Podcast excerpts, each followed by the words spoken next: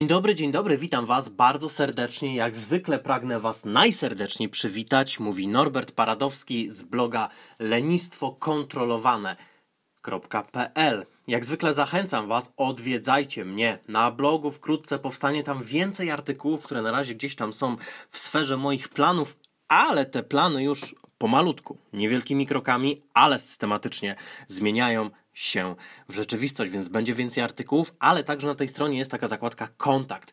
Kliknijcie w tę zakładkę i piszcie do mnie. Bardzo Was proszę, piszcie. Piszcie, jak Wam się podoba podcast, co byście zmienili, co byście dodali, o czym chcielibyście usłyszeć. Więc bardzo Was zachęcam do kontaktu, a dzisiaj opowiem o motywacji i o tym, kiedy motywacja to zło.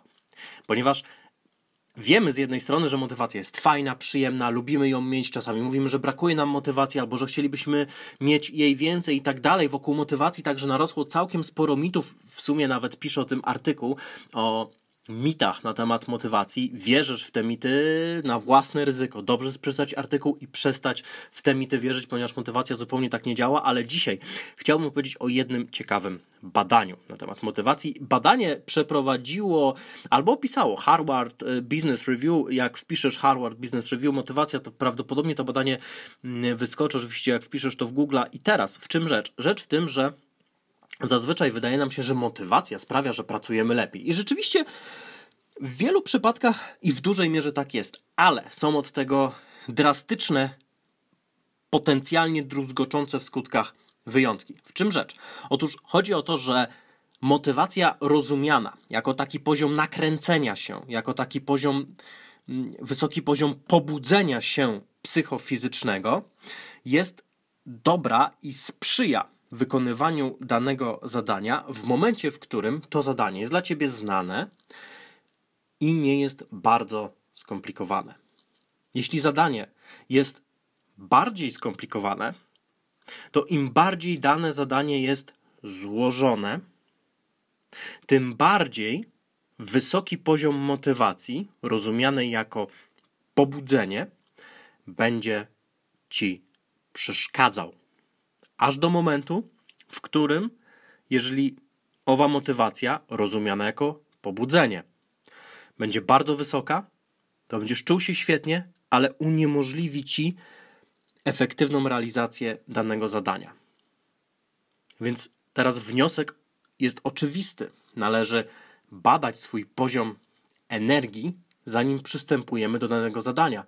Dobrze zadać sobie pytanie, czy to jest adekwatny poziom energii, pobudzenia do danego zadania. Jeżeli masz do zrobienia trening i jesteś wulkanem pozytywnego nastawienia i pozytywnej energii, to wspaniale. To wyjdziesz, będziesz biegał, będziesz robił pompki, ćwiczył przysiady, dołożysz sobie nawet 20% więcej tego treningu, wow, będzie super, będziesz zaangażowany. Ale jeżeli musisz usiąść i wykonać jakiegoś rodzaju skomplikowane, złożone zadanie na swoim Excelu. Może jesteś programistą, musisz coś napisać, może administrujesz serwerem w IT, może masz jakiegoś rodzaju złożoną analizę do wykonania. To jeżeli w przypadku takiego zadania będziesz miał wysoki poziom pobudzenia, energii, to to raczej może ci przeszkadzać. Raczej w takiej sytuacji bardziej będziesz potrzebował skupienia, bardziej będziesz potrzebował spokoju, aniżeli pobudzenia. Więc motywacja nie zawsze jest dobra.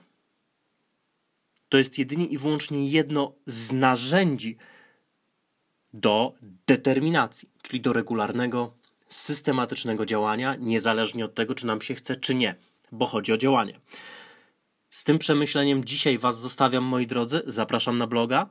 Przypominam o zakładce kontakt. A w następnym odcinku opowiem o motywacji rozumianej w zupełnie inny sposób. Dzisiaj to wszystko. Pozdrawiam i wszystkiego dobrego życzę. Trzymajcie się, cześć.